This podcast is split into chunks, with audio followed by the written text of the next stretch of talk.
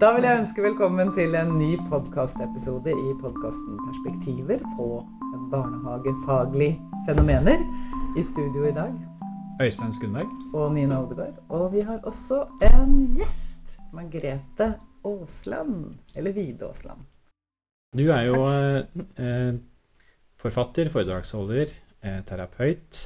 Eh, er spesialist i sexologisk rådgivning.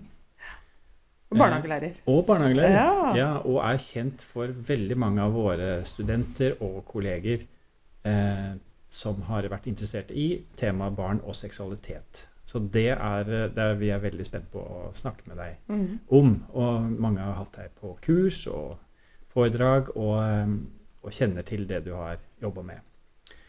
Eh, i, men altså, mange, er da, mange av studentene og mange barnehageansatte er usikre på alt som har med barn og seksualitet å gjøre.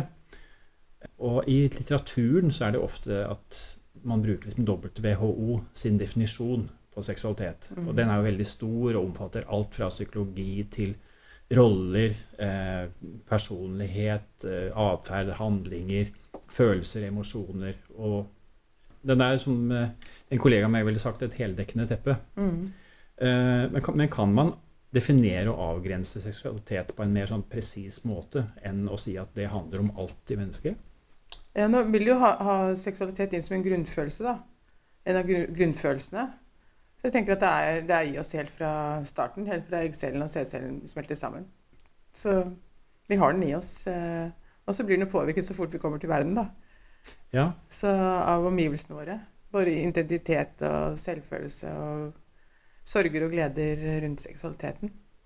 Men seksualitet og barn, hva, hva, hva ville, hvis du skulle sagt det veldig sånn uh, fort på hva det? Altså, de, de øver seg jo i grenser og lyst og kontroll.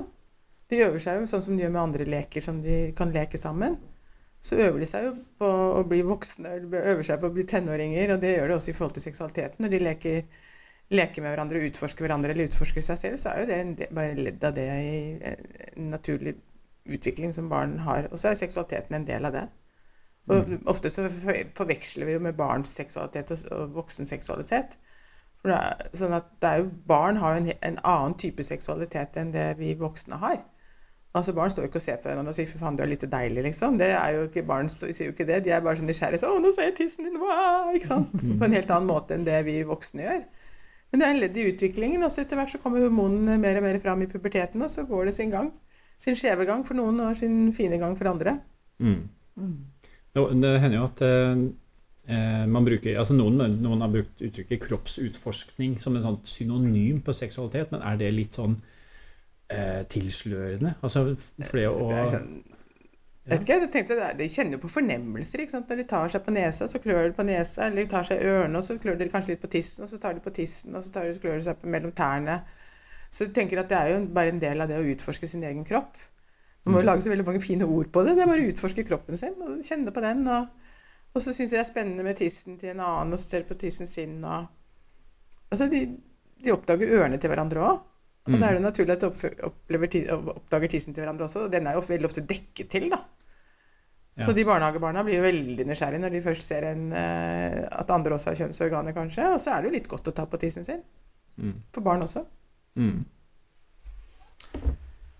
Hvorfor er barns seksualitet et tema personalet i barnehagen bør vite mer om?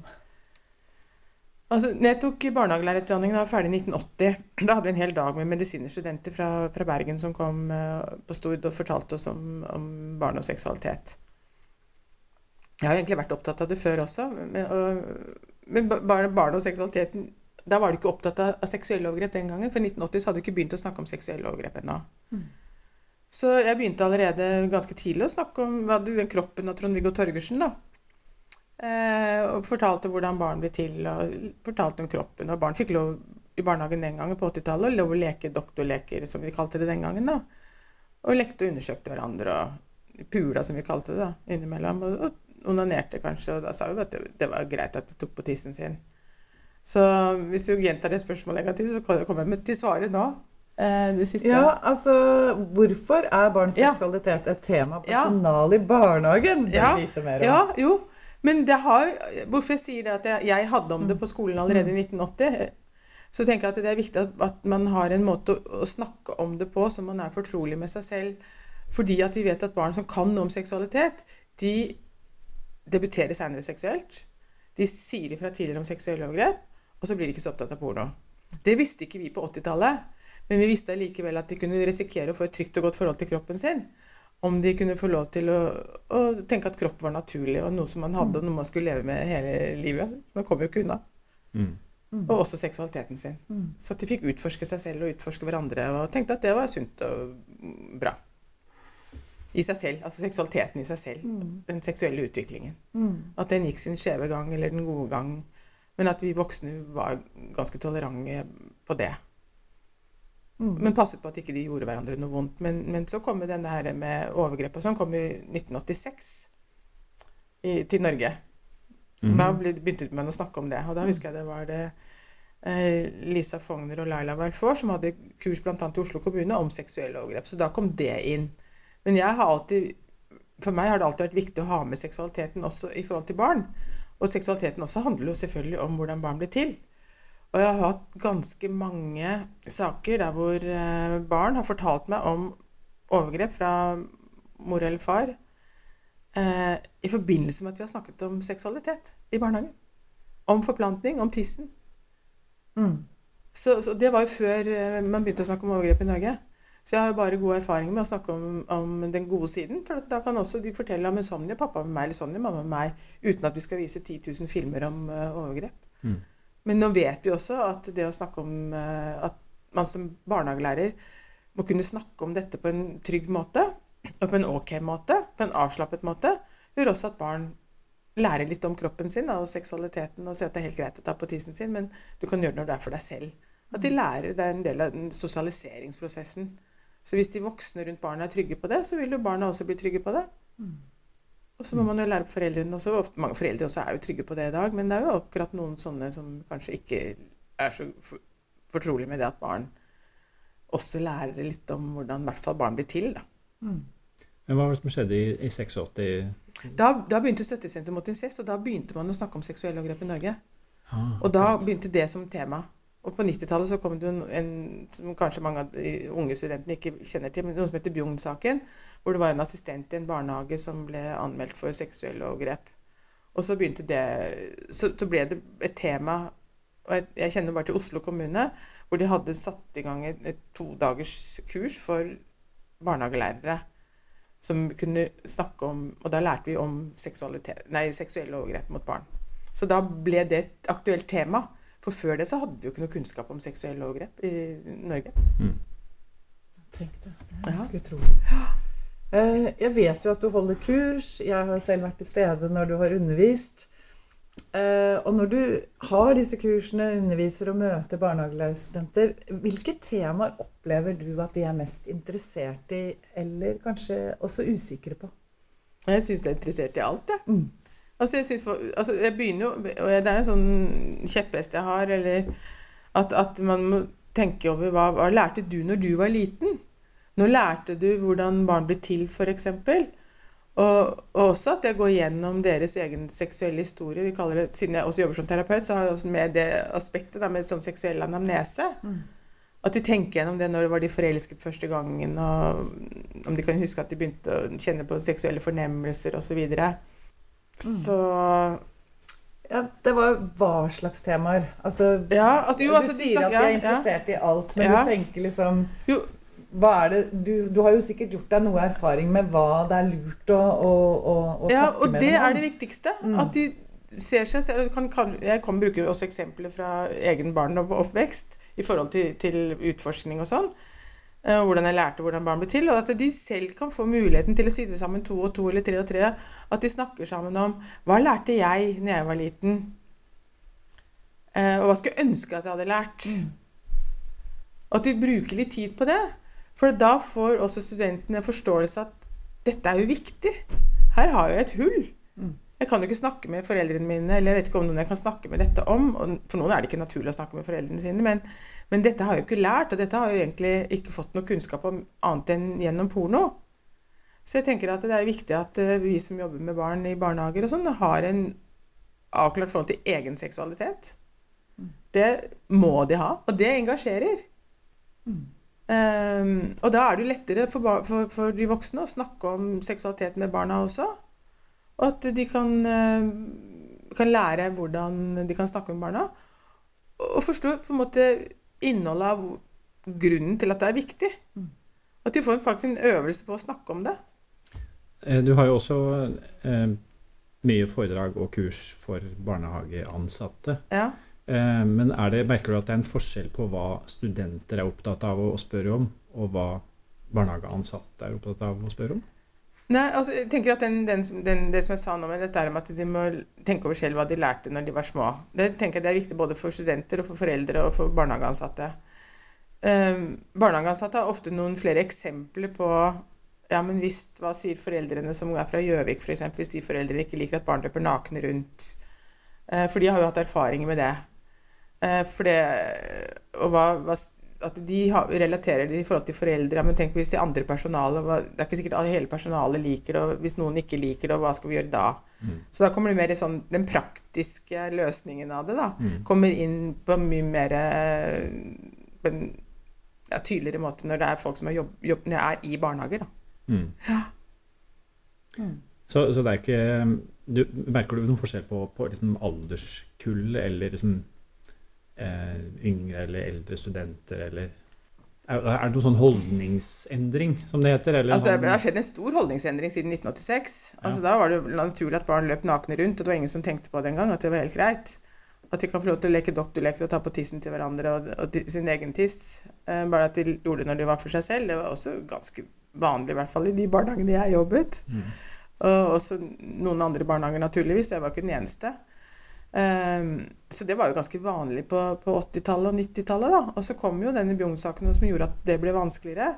Så det er veldig mange som tenker at, eh, at de er nødt til å lære om eh, seksualitet fordi at det er forebyggende da, i forhold til eh, overgrep også. Mm. Mm. Så det er, altså, overgrepsforebygging det handler veldig mye om kunnskap og det å kunne snakke om eller ha begreper. Ja, for hvis barn ikke kan få lov til å løpe naken rundt, hvis det blir tabu og ikke lov til å ta, ta seg på tissen, hvis ikke det er lov å leke og undersøke hverandre, Mm. hvis ikke de voksne tåler den positive siden engang, hvis de voksne ikke tør å snakke om hvordan man blir til engang, hvem skal de voksne barna gå til da? Hvis barn ikke får lov til å si promp og tiss og bæsj og promp og, og sånn i barnehagen, og det er tabu, hvem skal barna gå til da hvis de utsettes for seksuelle overgrep? Mm. Eh, hvis de får en eh, finger i, i, i skjeden eller en, må suge på en pikk, hvem skal barna snakke, snakke med da, hvis ikke de får lov til å si de ordene engang? Mm. Så de voksne må, må, må lære seg i hvert fall tåle den positive siden. For hvis ikke de voksne tåler det, så tør ikke barna fortelle det. Da finner jo ikke barna noen å fortelle det til. For da blir bare skammen enda større. For det som skjer hjemme, det, det finner ikke noe rom til å snakke om. Det er jo fremdeles sånn at de, eh, altså det som har kommet av, av bøk, barnebøker om hvordan barn blir til, eh, det blir jo fremdeles en del ståhei. Jeg tenker på den bok, den Maria Fiske. Ja, Anna Fiske er kjempefin, den derre 'Hvordan lager man babyer'? Ja, Mm. ja. Men den, jeg, jeg husker ikke hvor jeg leste men at Ja. den hadde skapt furore liksom, et eller annet sted i utlandet eller i USA. eller noe sånt. Ja, Det skaper nok furore i noen barnehager i Norge òg, den altså. Ja. Fordi at eh, Jeg har jo opplevd at folk har sagt at eh, de barna sine kommer i barnehagen og sier det at eh, de har fått lære av lære barnet sitt at, at Gud hadde blåst på henne. Det var derfor hun var blitt gravid, og det var derfor hun skulle bli storesøster. Ja. Jeg lurer på hva han blåser med, men det er en helt annen sak. Ja. Eh, og så var det en annen også som var, eh, var eh, Han fortalte at Allah kom med barna om natten, og det ville han at barnehagen skulle si. Så det er jo en utfordring. Altså Ja. sånn og, og da er det klart at det blir furore. Altså Ja. Hvis man skal lære hvordan barn blir til på, på ordentlig. Og da, i den Anne Fiske sin bok så er, så er det jo også om assistert befruktning og, og, og andre måter å få barn på. To kvinner kan ha barn, to pappaer kan få barn. Altså alle mulige slags måter å få barn på. Så jeg tror at det er at man bør ha foreldremøte. For jeg tror noen foreldre tror at hvis barn kan ha lært noe om hvordan barn blir til, f.eks., Mm. så vil barn begynne å gjøre det. Mm. Men de later som leken. Mm. Altså Barn står ikke og lager mat når de lager mat i barnehagen. Det er sand og vann og noen kvister og noen kongler oppi. De lager ikke mat. De later som de lager mat. Så akkurat når det gjelder seksualitet, så er det sånn Å, nei, da gjør de det ordentlig. Nei, de later som om. Mm. Mm. Så det er viktig at vi har med det aspektet også. Og at, at de, det er sånn Jeg vet ikke, jeg har bodd i Japan, jeg har bodd i Sudan jeg har bodd i flere land. Og de lager barn på samme måte i de aller fleste land. da. Mm. Jeg har hørt det er ganske sånn universelt. Ja, ja, ja. har jeg hørt. Jeg vet ikke helt, men uh, i hvert fall min erfaring, da. Ja, den, du nevnte jo Trond Viggo Tørresen, som også har vært en slags pioner. Men den, selv det han gjorde med den Kroppen-serien, ble det jo eh, bråk om. Selv om han bare viste Han løper rundt med noe Ja. og sånn. Og så husker jeg at til den serien så fulgte det en, en barnebok som var vakkert tegnet av Vivian Zahl Olsen. Ja. Men jeg husker veldig godt det, det bildet som handler om eh, når barn faktisk blir til. Mm. Og det var bare bilde av ei svær dyne. Mm. Og så var det et, sånt 70-talls skjeggete hode, og så Ja. var det en dame. Og så sto det noe med at eh, noen ganger er mamma og pappa ekstra glad i hverandre, Ja. og, og da blir det barn. Ja. Og det var, det var utrolig lite spesifikt. Men, men det var jo kanskje at de som lager de bøkene, de står liksom i en spagat mellom å faktisk få formidla noe kunnskap og det å ikke tråkke på for mange tær. Ja, men det- altså, det går ikke an å tråkke på tær. Det handler jo om altså, det, det er jo helt um- det er jo, det er jo ikke mulig å fortelle det på noen annen måte. Altså I gamle dager så kommer barna med fjøl over Grefsenåsen eller med storken. ja. Eh, det gjør de ikke lenger, faktisk. Eh, så jeg tenker at det er altså, Og det mener jeg Der har barnehagelærere en veldig utfordring. De må lære seg å snakke om det på en Mm. ordentlig måte. Mm. Og fortelle. Og jeg tenker den boken som Nå skal jeg skryte litt. Den boken som gjelder Rygge og jeg har skrevet, den der jeg, jeg, eh, jeg er meg, min meg, der, har vi, der, er det, der blir det sagt på syv sekunder. Der kan du lese på syv sekunder hvordan barn blir til på gamlemåten. Og så er det også om assistert befruktning. Mm. Og da har du gjort det unna på ti sekunder, så har du sagt det. Mm. Du har gjort det noen ganger også på ti sekunder, men det er en helt annen sak. Ja. Så, så du kan si at dette her, det er jo lett å lære, og så forteller man litt til barn nå, og så lærer de mer etter hvert. Mm. Og jeg kan vel si en ting til i forhold til det, hvorfor det er viktig. For at dette er jo også en motkultur, for at det er så mye dritt i sosiale medier. Mm. Og barna trykker inn på sex, så kommer det porno. Mm. Eh, Så barn får, har jo tilgang på så mange ting. Og jeg tror det er viktigere enn når jeg jobbet med dette her eh, aktivt på- på 80-tallet. Så tror jeg det er enda viktigere nå enn før at ansatte i barnehagen er bevisste på det. For å demme opp mot den, all den driten som de ungene kommer til å se på etter hvert. Mm. Og jeg tror vi må snakke med foreldrene nå, f.eks. For i forhold til forplantning. At vi sier at eh, dette kommer barn til å lære før eller siden, og vi kan ikke lyve for barn i barnehagen. Mm. Jeg tror det skal være enda tydeligere i rammeplanen også. At vi spesifiserer det enda mer at barn må lære, lære å få kunnskapen. Og selvfølgelig også på- på bakgrunn av at det, da, det er forebyggende i forhold til at da tør barna fortelle oss om seksuelle overgrep hvis de utsettes for det. Uh, og, og kunnskap har jo aldri vært negativt. Nei, nei. Altså, Mm. vi har jo universiteter og høyskoler rundt omkring, og det er jo ikke negativt å gå på det og lære litt, og det trenger jo barn òg. Men hvis du, hvis du hadde hatt fem minutter da, til å snakke med personalet om barn og seksualitet, Ja. hva, hva ville du ha liksom, Hva ville vært hovedfokuset? Nei, da går jeg jo tilbake på det. Hva Mm. lærte du selv når du var liten? Kommet med noen eksempler fra da jeg var barn. Mm. Og bedt de sitte sammen og snakke sammen to og to. Og jeg ville lagt vekt på oss og spørre hva skulle du ønske at du hadde lært? Og hvordan kan du Hva kan du bidra med slik at barn som du jobber med, kan lære noe om, om seksualitet på en positiv og god måte før dere snakker om seksuelle overgrep? Um, Er det sånn at jo mer vi kan og vet, jo mer liberale blir vi? Eller er det sånn at vi bare tror at vi blir mer liberale og kloke i det der med barn og seksualitet? Hva tenker du med liberale i forhold til det? Nei, det, det Ja, det er et godt spørsmål. Eh, Ja. man, altså, man hører at mange mener at nå er Vet vi så mye om hva som er sunt og riktig, og hva som er normalt og unormalt, eh, at, at det, det, altså det går bare én vei. Det går lineært liksom, mot at vi bare blir klokere. Da. At vi da tar riktigere avgjørelser og riktige vurderinger når det gjelder barn og seksualitet. Mm. Men er det en bevegelse som bare går i en retning med at vi bare blir bedre på det, eller hvordan? Nei, jeg tror det er noen krefter som gjerne helst ikke vil eh, at seksualiteten skal eksistere før man blir 16, eller før man gifter seg. Så jeg tror at eh, Og mange tror, også tror at barn kan så utrolig mye i dag. Eh, men det er jo pornofisert veldig mye av det de kan. Og hvis ikke de får kunnskapen av noen trygge, gode voksne, så, kan, så, så snakker barn sammen, og da kan de lære gale ting. Eh, så jeg tror at det er viktig å holde, holde det oppe, at det er viktig, viktig at barn kan om seksualitet.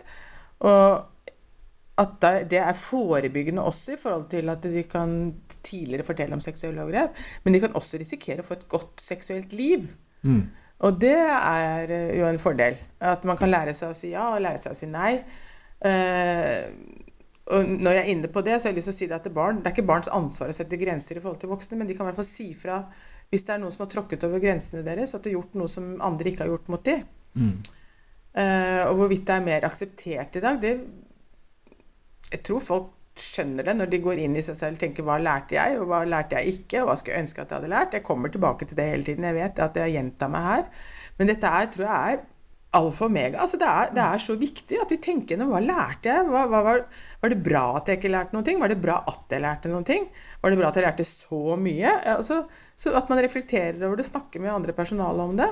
Og så finner ut hvordan jeg kan gjøre det best mulig til at barn også kan risikere å få et trygt og godt forhold til kroppen sin. Og få lov til å si nei og lov til å si ja, eller si fra hvis de opplever ting som de syns er vanskelig. At, de får, at, det skal bli en aksept på å kunne snakke om, om, seksualitet på en ok måte. Mange faller jo den tror at barn kan så mye om seksualitet, men det, som jeg sa, det er ofte pornofisert. For det er der de lærer det. Og selv om de vet at, de, at det ikke er virkeligheten, så tror de at det er virkeligheten. Mm. Og det ser vi med mange unge etter hvert som kommer til, til, samtaler. Som tror at det er virkeligheten. De agerer som om det er virkeligheten. For de har ikke hatt noe kunnskap om det. Veldig mange voksne foreldregenerasjon tror at barn kan mye om det. Ah, det er så mye informasjon der ute. Men den er veldig pornifisert. Og det er ikke snakk om samspill. Det er ikke snakk om nytelse, det er ikke snakk om å være kjærester og, og, og kiler i magen eller kiler i tissen. Men det er snakk om eh, porno. Og det kan barn mye av. Mm. Du sier 'risikere'. Sier du 'risikere' å ja. få et det, det ordet syns jeg Eller jeg henger meg opp i det. Da, ja, det er bra, det. Ja, ja, ikke sant? Man kan ikke si hvorfor du bruker det. Altså, jo, for da begynner folk å le, da begynner folk å skjønne at øh, Ja, det er, sånn, det er jo sant. Mm. For hvis jeg sier at da kan, da kan barn få et trygt over til mm. kroppen sin det er ikke sikkert, men de kan risikere å få det. Altså Det er en mulighet at de da kan få det. Mm. Og det ligger jo i korten at det er jo det beste. Ja. Mm. Men det er veldig fint, for det gjør at du stopper opp ved det du sier, eh, på en måte som gjør at jeg i hvert fall Det gir deg oppmerksomhet på en annen måte. Og, og, og, når jeg sitter og hører på, på samtalen her, da, så blir jeg også veldig sånn opptatt av Jeg går jo tilbake i min egen hvor mye og hvor lite fokus det egentlig har vært da, for vår generasjon. Og vi er vel sånn omtrent samme generasjon, vi tre som sitter rundt bordet her. Og det, det er interessant å tenke gjennom, liksom. Eh, for Trond-Viggo var nok mitt første møte. Mm. Nå vokste jeg opp med en helsesøster, og det gjorde nok noe også, men, men det var nok mitt første møte med deg allikevel. Ja. Og da var jeg jo eh, Altså, da var jeg jo ganske stor. Ja. Ikke sant? Det var ikke i barnehagen eh, jeg møtte dette første gang. Mm. Så det syns jeg er veldig spennende. Så er det noe annet du sier som jeg også eh, fester meg ved, og det er dette med foreldre. Ikke sant? At hvis vi skal snakke om det, så kan det være lurt å ha et foreldremøte eh, først. Og det tror jeg kanskje vi kan jobbe mer med i forhold til andre ting også i barnehagen. Mm, mm. At det å introdusere det på en god måte kan hindre den der motbevegelsen. Mm. Fordi vi ser jo nå altså politisk i USA, altså mange steder, så er det mye motbevegelser mot mm. åpenhet. Ja. Ikke sant? Noe av det du stiller spørsmål om her, f.eks. Øystein, er dette her med hvorfor løper ikke barn lenger nakne gjennom sprederen i barnehagen? ikke sant? Mm. Hva kan det komme av? Eh, det er jo de voksnes holdninger ofte. For de er jo redde for at det står en overgriper i buskene med, med zoomlinse og tar bilder. For vi vet jo at barn eksponeres også på bilder. Men jeg kan berolige dem med at som jeg, jeg har jobbet med overgripere i elleve år. Elleve overgripere i uka omtrent. Eh, og da spurte jeg hva Altså nå om dagen så sitter de hjemme på rommene sine og bestiller overgrepsbilder på nettet. Det er veldig sjelden at du ser en eller annen eh, person med et Zoom-kamera, men også med en mobiltelefon som kan ta bilde. Så jeg kan jo forstå at man må bruke huet litt. Hvis, det er klart, hvis man har en barnehage midt i et sånn atrium eh, eh, Barnehagen er i midten, og så er det liksom ti etasjer på hver side. Mm. Så skjønner jeg jo det at man vegrer seg litt for at barn skal få lov å løpe naken. Men inne i barnehagen, så er det noen som sier at ja, det er kanskje noen voksne som ikke liker å se barn nakne. Da tenker jeg at de voksne må enten slutte å jobbe der, eller så må de få et kurs om eh, å tåle å se nakne barn. Mm.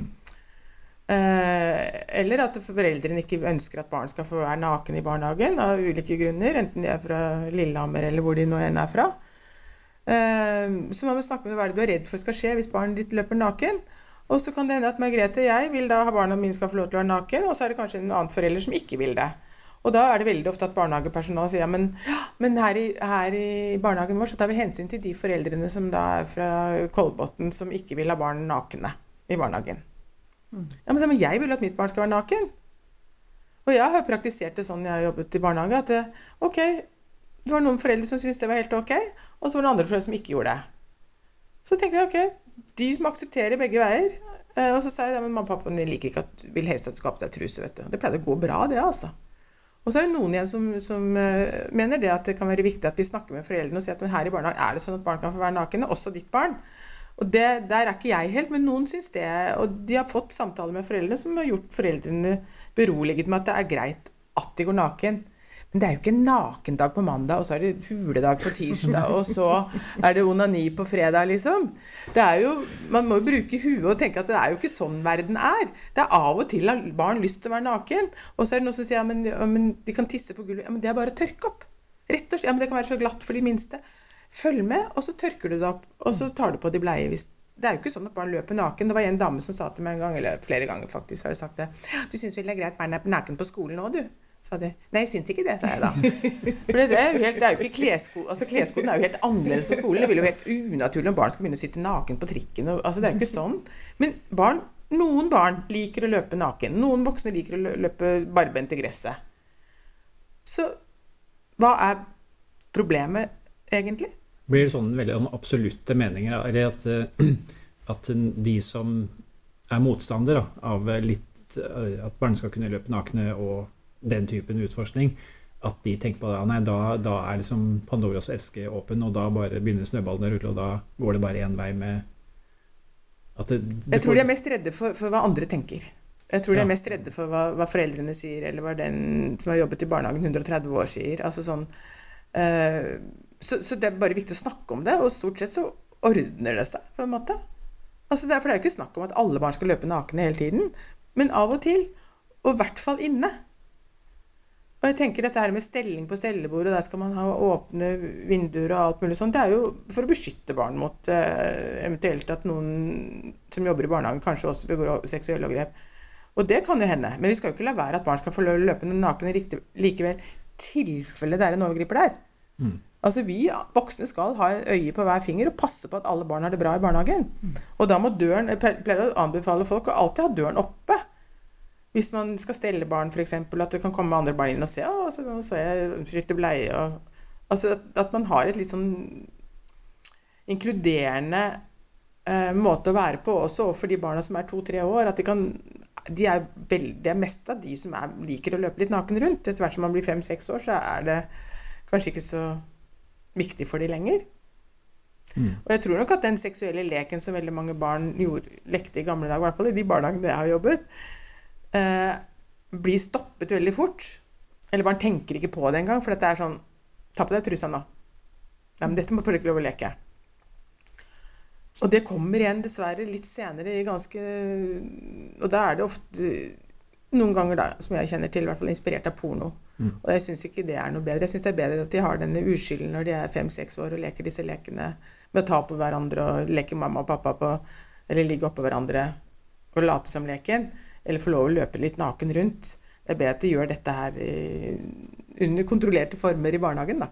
Så jeg tror at personalet, sånn som du sier også, at det personalet jobber med foreldrene, at de snakker med på høsten allerede på foreldremøtet. Så at noen ganger så lar vi barn løpe naken, og noen ganger så de, må de ha på klær. F.eks. når de skal spise, så har vi på de truse. Og noen ganger så hender det at de tar på tissen. Og det, jeg får jo telefoner omtrent ukentlig fra barnehager eller foreldre som har barn som tar seg mye på tissen, f.eks. Så det er jo også viktig et tema som man kan lære ansatte i barnehagen noe om. da. Mm. Hvordan de skal håndtere det. Uh, dette med kjønnsidentitet, er det noe voksne barnehagepersonale skal forholde seg aktivt til, eller er det best å la dem leke og være og utforske det uten å kommentere det, tenker du? Jeg tenker, Det bør ikke være sånn overfokus på det, men altså, noen barn kler, kler hvis det er utkledningstøy i barnehagen Nå var det en periode i hvert fall når jeg var yngre at de ikke hadde utkledningstøy for det er pga. lus. Jeg tror det er blitt litt eh, mer lempelig nå at man med, kan ha utkledningstøy. Og da er det naturlig at barn går litt ut og inn av både den ene og den andre rollen. Jeg var i en barnehage hvor det var tror jeg, syv gutter jeg, som lekte Elsa fra Frost. vet du. Ja. Og de hadde fletter og kjoler, og jentene bare å, så opp i været og tenkte åh, Og syntes dette var dritkjedelig, da. Så, så, det varierer jo litt, men det er jo naturlig at barn leker litt ut inni det. Og så er det kanskje et annet barn som, som henger inn, igjen i det, og som kanskje føler at de har, eh, har en annen si, intensitet i den leken, og kanskje at de ønsker å, å, ha spørsmål rundt det å være gutt eller være jente. Mm. Um, at man tar det på, opp på en ok måte med det. Men sånn er det for noen, og sånn er det for andre. Og så får man se utviklingen etter hvert. Mm. Ja, for der kan også foreldrene ha reaksjoner. Jeg hørte om f.eks. hvis det var en, eh, en av de ansatte de som eh, lakkerte neglene til barna, så syntes alle det var veldig morsomt. Mm. Og så var det en gutt som gjerne også ville få sine negler lakkert, ja. og da reagerte pappa veldig når han kom mm. og så det. Så, men det er jo kanskje i tråd med det vi snakka om tidligere, at eh, foreldrene også må få Altså man skal måte, respektere grenser og normer og sånn, men man kan også informere dem litt grundig. Ja, så jeg tenker at det, det, er noen som er litt sånn homofobe eller redd for at barnet skal bli trans og sånn, så det, jeg tenker at det i barnehagen vår så har vi neglelakk, og det er faktisk menn som går med neglelakk også, har jeg sett. Jeg husker jeg hadde barnebarnet mitt med med to og et halvt år, tror jeg, med langt hår. Han hadde langt, han hadde langt hår og skikkelig guttebadebukse og lakkerte negler på tærne. Og jeg la merke til de andre guttene på sånn 10-11 år. De så litt sånn rart på han og så på meg. Og de, ja, de fikk ikke helt tak i hvilken Hvem er dette her for et Hvem er det? Så jeg tror det, er ikke, det ligger jo ikke i neglelakker og i påkledning Eh, og det er jo ikke slik at, at det fører en i den retningen eller den retning. Det kan jo bare være morsomt å ha på seg neglelakk. Altså så bare avdramatisere det litt. Og så får man jo se om kanskje dette barnet trenger mer oppfølging og sånn. Og da er det jo fint å kunne f.eks. ringe til Rosa kompetanse hvis man lurer, da. Mm. Jeg også hadde en far i barnehage som barnet hadde på seg forkle. Gutten hadde på seg forkle. Han ble dritforbanna, for han ville ikke ha noe homse med seg hjem. Så det er mange ulike holdninger som man kanskje kan plukke av da, når man er utdannet på universitet eller høyskole som barnehagelærer. Mm. At man også får med seg viktige ting rundt kjønnsidentitet f.eks. også. Mm. Mm. Det var litt det, jeg, eh, litt det jeg også eh, refererte til når jeg snakket om denne motbevegelsen som vi ser i USA nå, i mm. forhold til det med at det, det kan se ut som at det er um, en en holdning om at hvis man snakker mer om det, så mm. blir det mer av det. Ja. Og at de liksom nå skal plukke ut bøkene som handler om kjønnsidentitet, ja. Ja. og at det ikke skal være eh, Og, det, og det, det, det, kjenner jeg jo eh, gjør noe med meg, da. Eh, denne her voldsomme bevegelsen som kommer tilbake nå, når det er såpass mange barn nå som, som tør å i større grad stå for sin egen identitet, om de mm. velger velger å være i et kjønn eller være mm. flytende, eller hva de velger. Det må vi jo støtte opp om og, og sørge for at det fins litteratur og, og, og, muligheter å møte dem på det på, og ikke ja. det motsatte. Ja, og så er det litt rart, for jeg tenker at det, altså, hva, hva skade gjør det? Altså, jeg har aldri møtt en, en trans, for eksempel, eller har, hvor det har vært lett. Altså, og det er ikke nødvendig å gjøre det vanskeligere. Nei. Altså, det gjør ikke meg noe. Nei. Altså, moren min sa det, hun er død da hun himmelen, men hun sa det uh, Snakket med disse her homsene, da. Det er helt greit, jeg homser, bare de ikke praktiserer. Så jeg, sa ja, men sa mor, sa, du trenger jo ikke det på, når du er på sykehjem nå, begynne å ligge med, med kvinner, så det er jo helt opp til deg. Og du sier så mye rart, sa Så jeg tenker at dette her er jo noe med, med altså sånn Altså, vi, vi, selv om barn får, får denne muligheten og ungdommene får den muligheten, så har de en større frihet. Mm. Og de kan uh, snakke med noen. altså det det, er viktigere at de får snakket med noen og så tar dette på alvor, mm. Enn å dysse det ned. Og vi har vel sett nok av selvmord der det har skjedd. At barn ikke har blitt akseptert, eller tenåringer ikke har blitt akseptert, og de har gått til helvete fordi at de ikke har fått den aksepten som de har trengt, da, mm. og den støtten de har trengt. Det er jo ingen som har det sånn inni seg for moro skyld. Det er jo en, en, krise de er, og det er en identitet som vi andre ikke har noe å blande oss opp i. Og hvis de mener at det er så hvis det er noe med Gud å gjøre, som noen mener, så, så tenker jeg da blir jo det den, den personen sitt forhold til Gud De får jo ordne seg selv, da. Så vi andre skal jo ikke blande oss inn i det. Mm. Mm. Jeg tror vi begynner å nærme oss eh, en, en avslutning. Ja. Ja. Tusen takk til eh, Margrethe Wide Aasland at du kom og ville snakke med oss. Dette var veldig veldig interessant og spennende. Og det, dette er podkasten 'Perspektiver på barnehagefaglige fenomener', og vi er Nina Odegaard. og Øystein Skundberg.